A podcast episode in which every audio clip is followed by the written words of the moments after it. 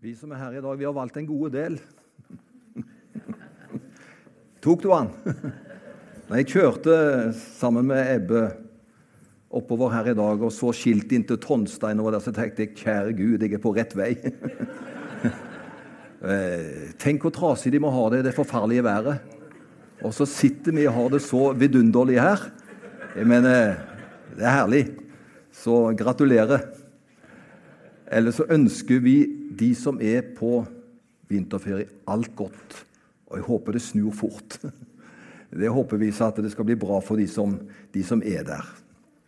Men jeg er enig med deg, Eli, at jeg er også overraska. Jeg sa det i bilen, at vi får ha gudstjeneste for de som kommer. For vi trodde jo at været skulle slå ned. Men eh, det er fint å se dere alle sammen. Kan jeg bare komme med et par bekjentgjørelser i tillegg som det som Eli sa? For mars blir en veldig spennende måned. 8. mars, om to uker, da får vi en gjest i gudstjenesten. Og det kan jeg nok si, det er kanskje den gjesten, den personen, som er en av de som jeg blir mest imponert over i hele landet vårt. Da blir Arne Viste gjesten vår. Og Det er fantastisk hvordan han stiller opp og hvordan han er et forbilde for oss alle. Jeg skal gjøre et lite intervju med han om ting som på en måte spør han hva er det som motiverer han til det han gjør, når han gjør dette fantastiske. Dette er altså den 2. mars og den 29. mars. Da får vi besøk av den nye ordføreren, Kari Nessa Nordtun. Hun kommer og skal være gjesten denne siste søndagen i mars. Og Hun er ny i gamet, og det skal bli veldig interessant å spørre henne visse ting som sikkert kan være spennende. Hun eh, gleder seg, sier hun, til å komme, og vi skal ta vel imot henne som vi tar imot alle våre gjester. Så det er altså den 29. mars. Og mellom disse to datoene så får vi besøk av Bibelskolen på Ansgar. De kommer 95 personer. Så det er nesten som de kunne vært forsamlingen, og så kunne vi sunget for dem. For de kommer 95 personer fra fredag til lørdag. Det er altså fredag 13. mars. Så da kommer bibelskolen, og, eh, har, og de er så flinke å synge og, og brennende vitnesbyrd.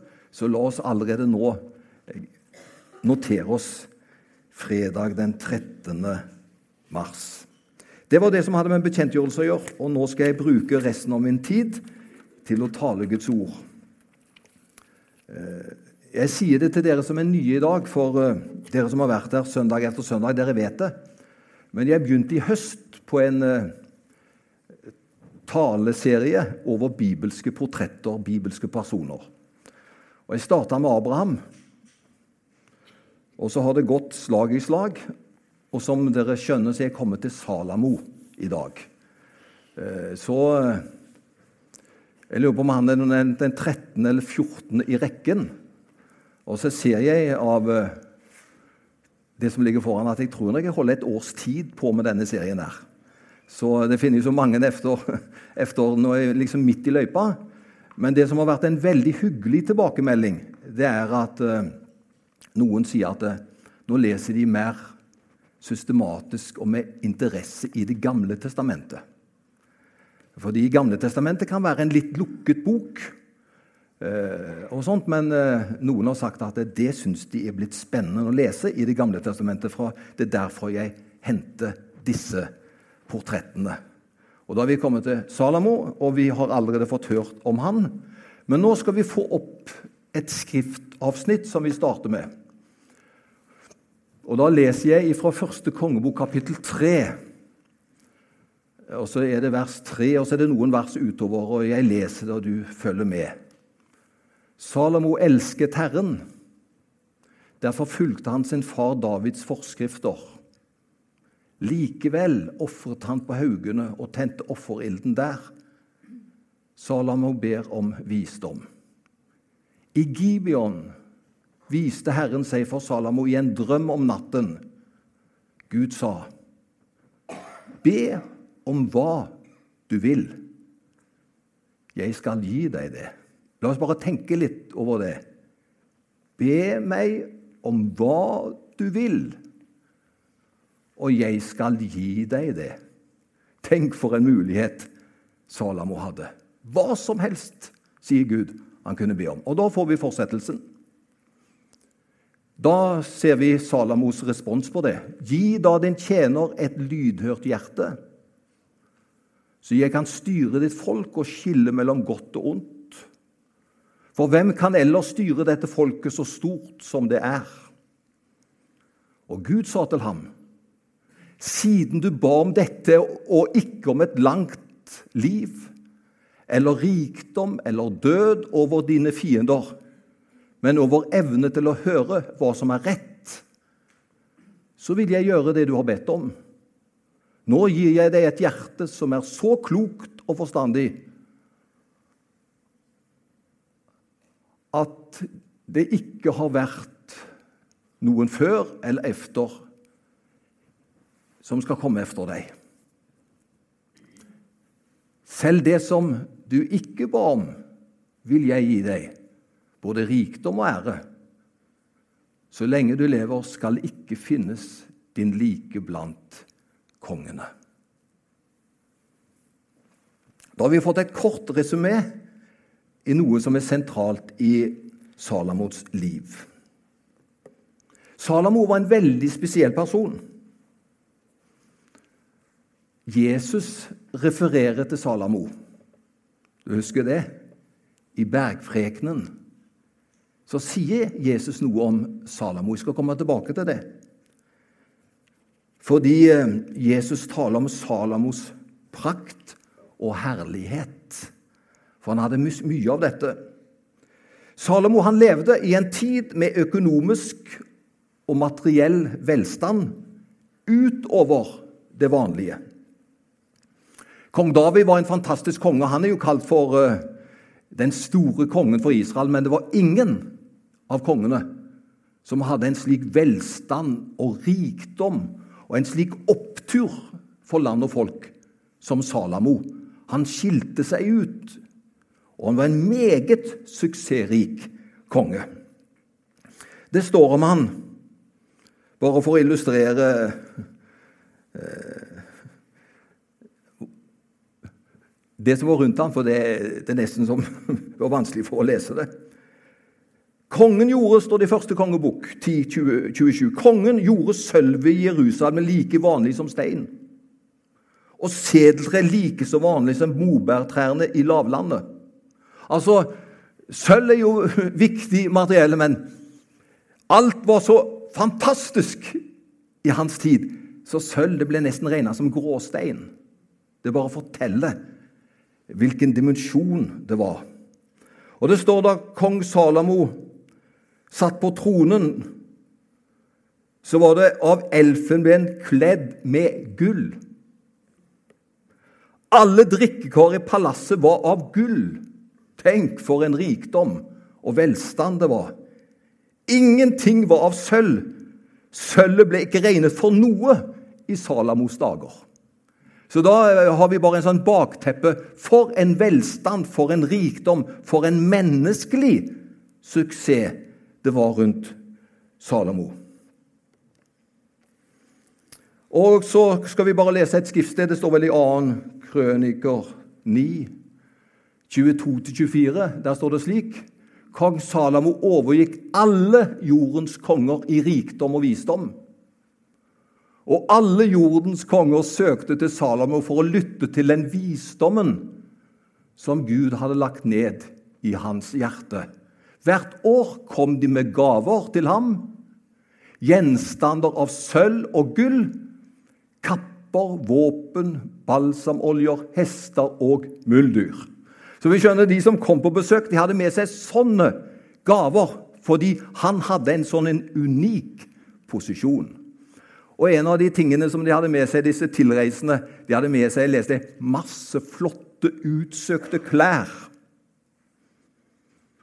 Eh, gjennom det og andre ting så viste de at de satte så pris på hans posisjon og at han var konge i Israel.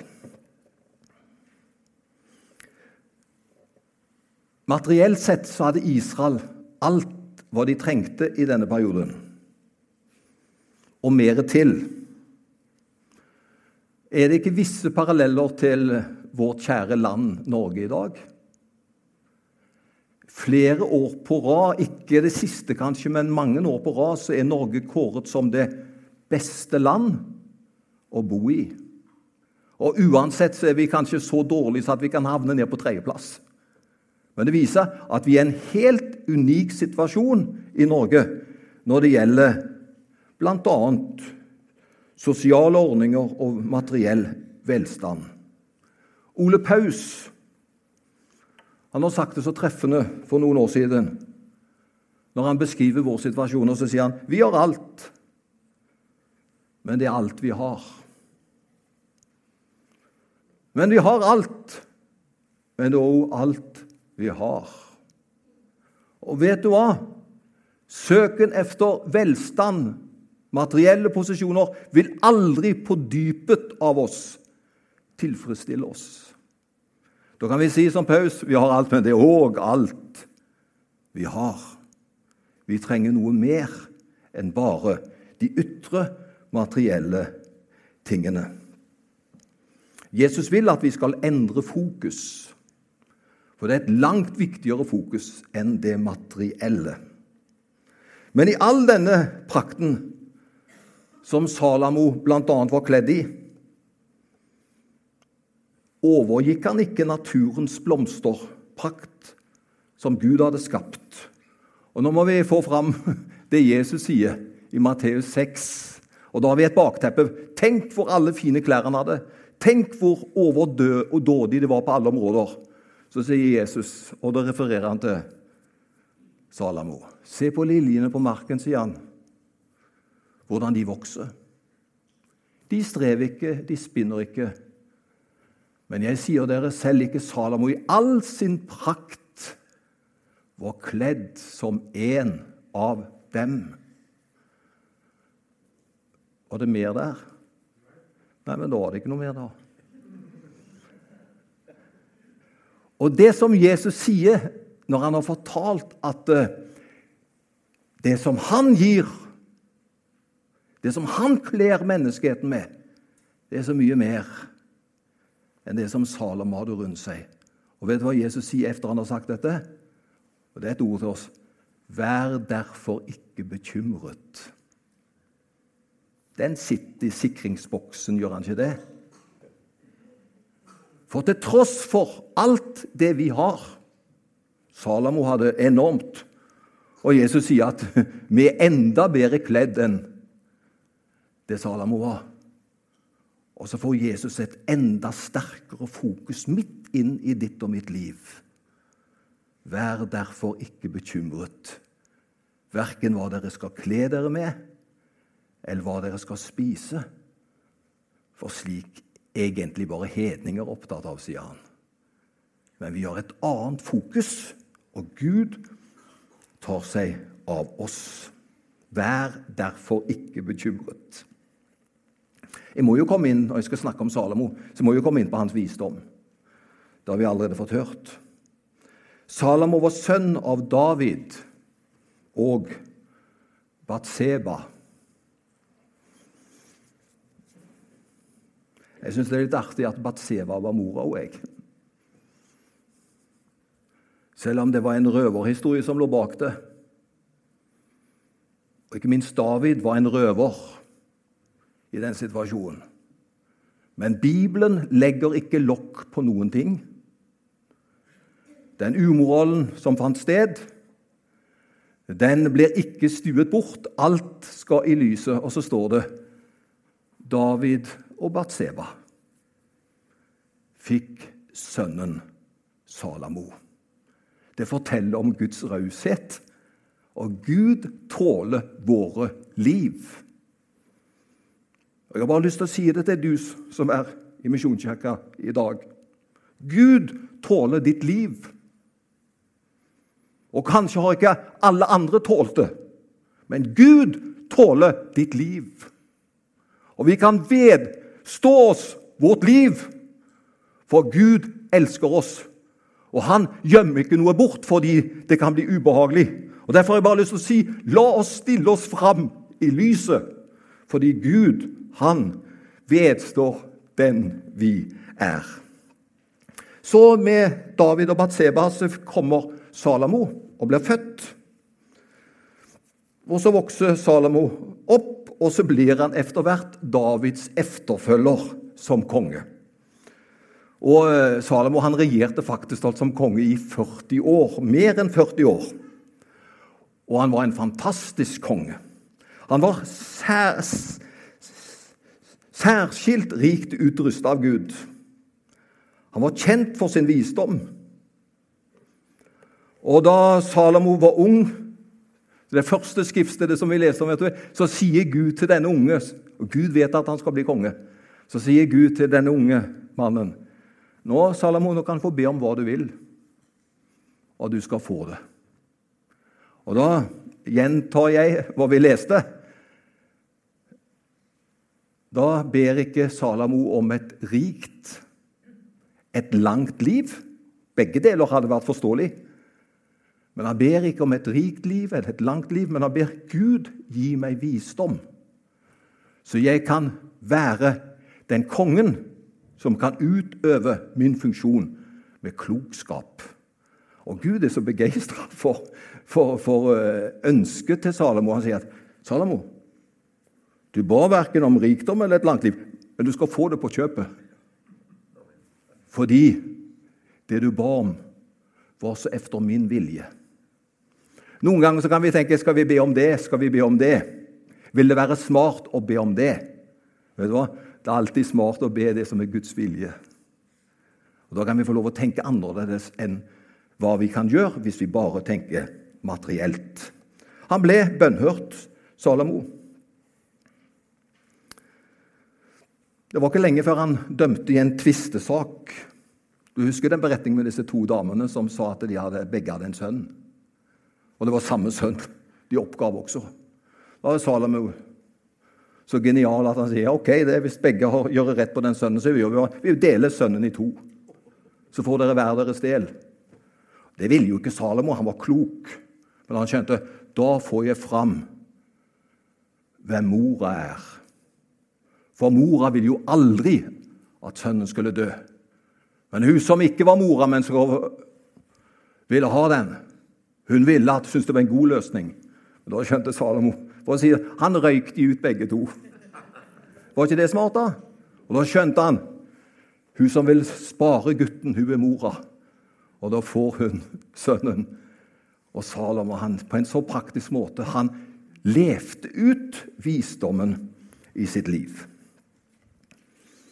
Det står at han var visere enn alle andre mennesker. Tenk, så vis var han, du. Derfor kom de fra land og strand for å høre på ham. Eh, la meg også få si at han, du, vi, vi, tenker på David vi vet du, som den som skriver og, og, og alle salmene. Han hadde mange salmer, David. Han var ikke verst Salomo. Han hadde særskilt poetisk gave. Han lagde 3000 ordspråk. Tenk på det, du. Og hans sanger, som han skrev, var 1005. De er så konkrete at det var ikke 1004, men 1005 sanger skrev han. Tenk for en begavelse. Og Det er noe av dette som vi da ser når vi leser i ordspråkene. Hans visdom, som er bakteppet. Og han har jo skrevet tre bøker. Eh, ordspråket, Høysangen og Forkynneren. Tre bøker i Bibelen har Salamo forfattet. En fantastisk poet og skribent i sitt liv. Ryktet om Salomo det spredte seg. Hans visdom ble kjent fra Israel og landene omkring. De ville høre om den gjerningen han hadde. Ser du at det er visse likheter for ryktet om Salamo det spredte seg overalt pga. hans posisjon. Så kommer de fra alle hold for å høre denne kloke og vise mannen. Står det ikke det et annet sted at ryktet om Jesus det spredte seg overalt? Mange kom for å møte han. Så på visse punkter så er faktisk Salamo et, et, et bilde, et forbilde. Men vi må si det litt svakt, for Jesus er så mye større. Men Jesus han er bare enda mer menn. Salomo er et forbilde på Jesus. Og Det er utrolig. Tenk på den tida hvor Jesus levde. Det var ingen sosiale medier da. Det var ingen Facebook. Det var ingen eh, andre kanaler som kunne bekjentgjøre ting. Men da Jesus stilte seg fram i ørkenen, så står det ved en anledning det var, det var 5000 menn foruten kvinner og barn. Tenk uten annonsering, som vi kjenner til i dag, så klarte Jesus allikevel på kort tid å samle 5000 menn foruten kvinner og barn. Det er bare Jesus som kunne gjøre det. Ryktet om Jesus spredte seg. Og når han stilte seg frem, så kom de fra alle hold. De ville høre han. Noe av dette var også det som skjedde med Salamo. De hadde hørt om hans fantastiske visdom, og de kommer fra alle steder. Og du vet om dronningen av Saba som kom på besøk? Hun skulle sette Salamo fast. Hun hadde noen innmari vanskelige spørsmål, for hun hadde hørt om hans visdom. Så nå skulle hun sette Salamo fast. Men hun klarte det ikke. Salamo hadde svar på alt som hun spurte om. Og vet du hva dronningen sier etter å ha hatt samtale med Salomo? Ikke engang halvparten er blitt meg fortalt av det denne mannen kan og vet.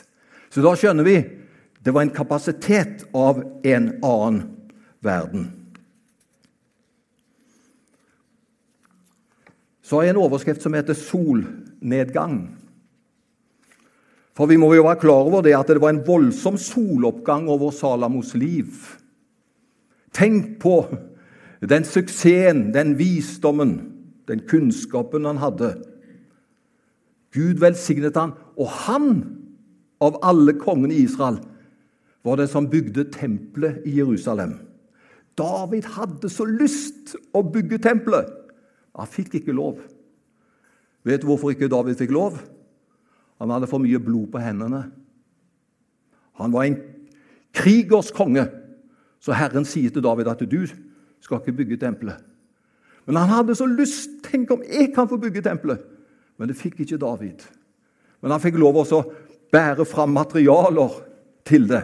Og så var det Salamo som fikk i oppgave å bygge tempelet. Det var en periode over mange år han bygde tempelet. Over sju år gikk det for å bygge tempelet i Jerusalem, og det var Salamo av alle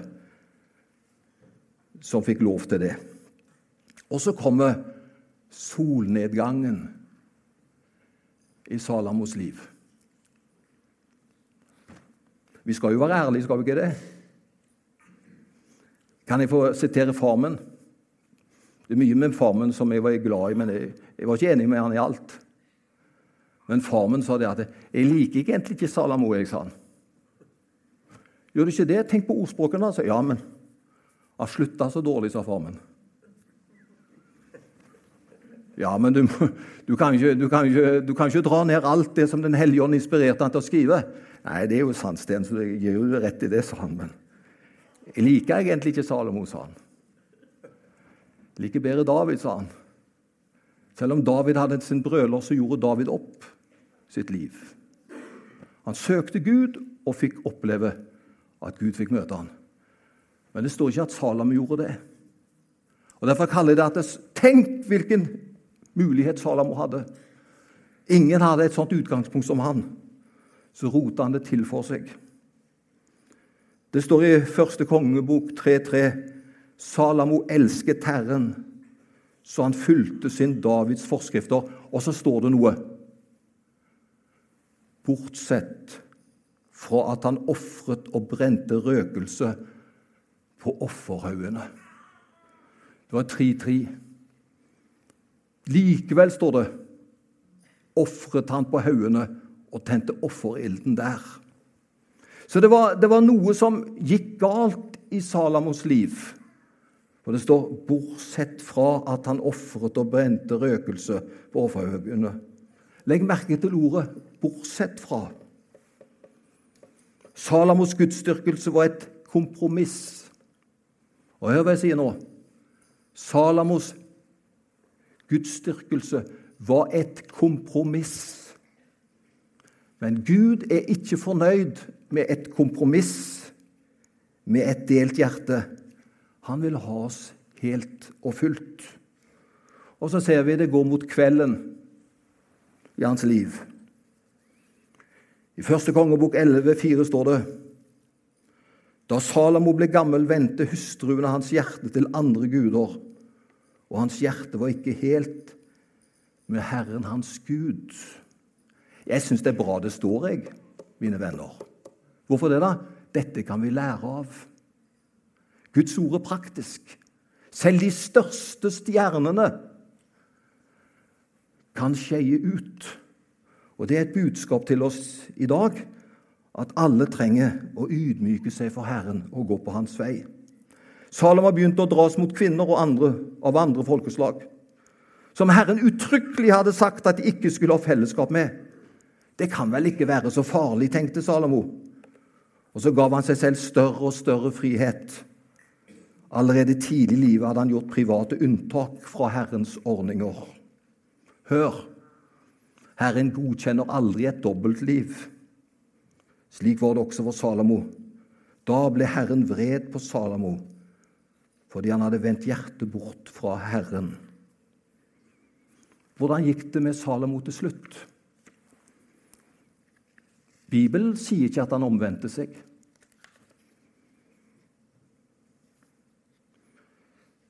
Egentlig taler ingenting til at hans åndelige situasjon ble endra etter dette. Men jeg har bare lyst til å si det. Kan vi ikke bli enige om det? At dommen hører Herren til. Er ikke det greit? Vi skal ikke dømme. Dommen hører Herren til. Men så vil jeg oppsummere Salamos liv. For det første han var rik. Han var vis. Han hadde en tjeneste som konge utenom det vanlige. Han hadde tjeneste som tempelbygger. Det var han som fikk bygge tempelet. Han var en dyktig både poet og skribent. Han hadde et usvanlig rikt liv. Han var populær. De kom til og med fra nabolandene for å søke å møte den mannen som hadde en slik visdom. Men Gud vil gjennom Salamos historie til oss i dag lære oss noe viktig. Og det er at vi til enhver tid må ha vår sak i orden med Herren. Det er viktigere enn alt annet. Sier ikke Jesus det engang? Jeg synes det, det er litt dumt av Jesus at han sa det, men han har sagt det. Vet du hva Jesus har sagt? Det er vanskelig for de rike å komme inn, inn i Guds rike. Og så sier Jesus det. Det er faktisk lettere for en kamel å gå gjennom et nåløye enn for en rik å gå inn i Guds rike. Hva betyr det? Ja, Jesus svarer sjøl. For mennesker er det umulig, men for Gud er alt mulig. Så alt er mulig for Gud. Men det bare forteller. Det går an å sitte fast i ting. Og hvis de tingene blir det som vi lener oss til, da får vi et problem. La oss vise at vi trenger Jesus. Jeg vil bare si det som en bekjennelse i dag. Jeg trenger Jesus på alle områder. Og Når jeg starter dagen, så starter jeg ofte dagen med å be Jesus nå må du bevare meg i dag. Du vet, I dag så kan det komme utfordringer, fristelser og hva. Så Gud, hjelp meg å bevare meg, så jeg kan leve slik som du vil. Og så kan vi komme til ham, som er mer enn Salamo, Jesus Kristus. Holder vi til der, har vi fått en herlighet som langt overgår Salamos herlighet. En herlighet som dessuten aldri mister sin glans. Det finnes en herlighet som Jesus sier, som aldri vil miste sin glans. Den er evig. Så vil jeg avslutte med et vers fra Jesaja 60, 19. Herren skal være et evig lys for deg, og din Gud skal være din herlighet. Da er det en herlighet som ikke vil tape seg hvis Gud får være vår herlighet. Kanskje trenger vi en tale av Salamo også. Men vi tar med oss hele Salamo. Og da er han både inspirerende. Men han forteller også Sten, du må også være på vakt. Herre, takk at du er iblant oss. Takk at vi har så mange eksempler i Bibelen som er oss til lærdom.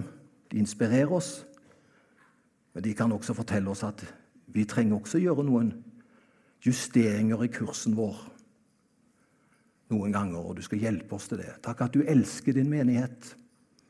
Takk at du elsker oss med en evig kjærlighet. Og takk at du vedkjenner deg oss slik som vi er, for det er ingen som er perfekte. Men takk at du ser i nåde til oss alle, og du vil lede oss på din vei. Jesu navn. Amen.